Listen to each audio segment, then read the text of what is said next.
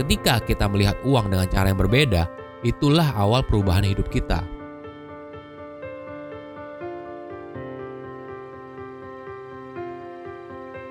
Halo semuanya, nama saya Michael. Selamat datang di channel saya, Sikutu Buku. Kali ini, saya akan membahas buku The Secrets of Millionaire Mind karya T. Harv Eker. Buku ini bercerita kalau kita butuh mindset tertentu buat jadi orang kaya. Eker fokus pada apa yang orang pikir dan rasakan tentang uang. Apakah cara kita melihat uang dan kekayaan sudah benar? Berikut adalah beberapa pola pikir si kaya dan si miskin dari buku The Secrets of Millionaire Mind. Pertama, si kaya bilang, hidup ini tanggung jawab saya. Si miskin bilang, hidup ini takdir. Jika mau jadi si kaya, kita harus punya kontrol penuh pada hidup yang kita jalani. Apakah kamu tahu siapa yang sering main lotre? Kebanyakan pemain lotre adalah si miskin. Si kaya tidak akan menghabiskan kekayaan mereka untuk main lotre, karena dia tidak punya kontrol atas hasil dari permainan itu.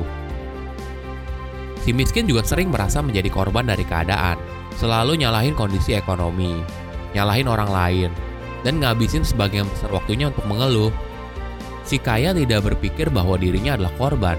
Daripada sibuk ngeluh, si kaya menghabiskan waktu untuk mengerjakan hal-hal yang dia bisa kontrol untuk menghasilkan kekayaan.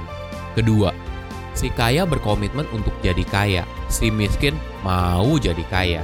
Ada perbedaan mendasar dari komitmen dan kemauan. Komitmen artinya si kaya bekerja dan berusaha secara serius untuk menjadi kaya. Tentu saja melakukan hal yang legal, bermoral, dan sesuai etika ya. Sedangkan kemauan ya hanya kemauan. Si miskin hanya mau jadi kaya, tanpa mau melakukan apa yang dilakukan oleh si kaya. Apakah si miskin mau bekerja keras? Apakah si miskin mau mengorbankan waktu, tenaga, dan pikiran untuk bekerja keras menuju kekayaan? Biasanya si miskin hanya berhenti di kemauan. Jadi ketika si miskin ngelihat si kaya sukses, respon yang paling sering adalah iri dan nyinyir. Ketiga, si kaya berpikir dan, si miskin berpikir atau. Si kaya hidup dalam berkelimpahan. Si kaya selalu berpikir dan, bagaimana dia bisa mencapai keduanya. Si kaya tidak membatasi diri dengan pikirannya sendiri.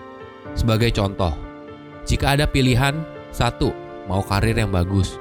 Dua, punya waktu untuk keluarga. Si miskin terjebak harus memilih di antara dua hal itu. Sedangkan si kaya berpikir, bagaimana? Bagaimana saya bisa mendapatkan karir yang bagus dan juga punya waktu untuk keluarga? Dengan mengganti kata atau menjadi dan, si kaya melihat dunia dengan cara yang berbeda. Dunia yang berkelimpahan dan kesempatan tanpa batas. Keempat, si kaya fokus pada kekayaan bersih si miskin fokus pada gaji. Kalau kita bicara soal uang, pertanyaan umum yang ditanyakan oleh orang lain ke kita adalah, gaji kamu berapa? Tapi cukup aneh kalau ada yang tanya, total kekayaan bersih kamu berapa? Si kaya tahu persis perbedaan antara kekayaan bersih dan gaji atau pendapatan bulanan. Gaji hanya salah satu komponen dari kekayaan bersih.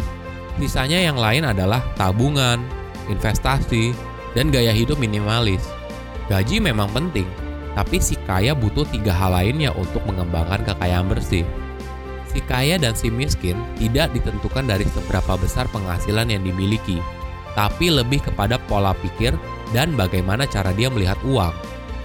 Ketika kita melihat uang dengan cara yang berbeda, itulah awal perubahan hidup kita.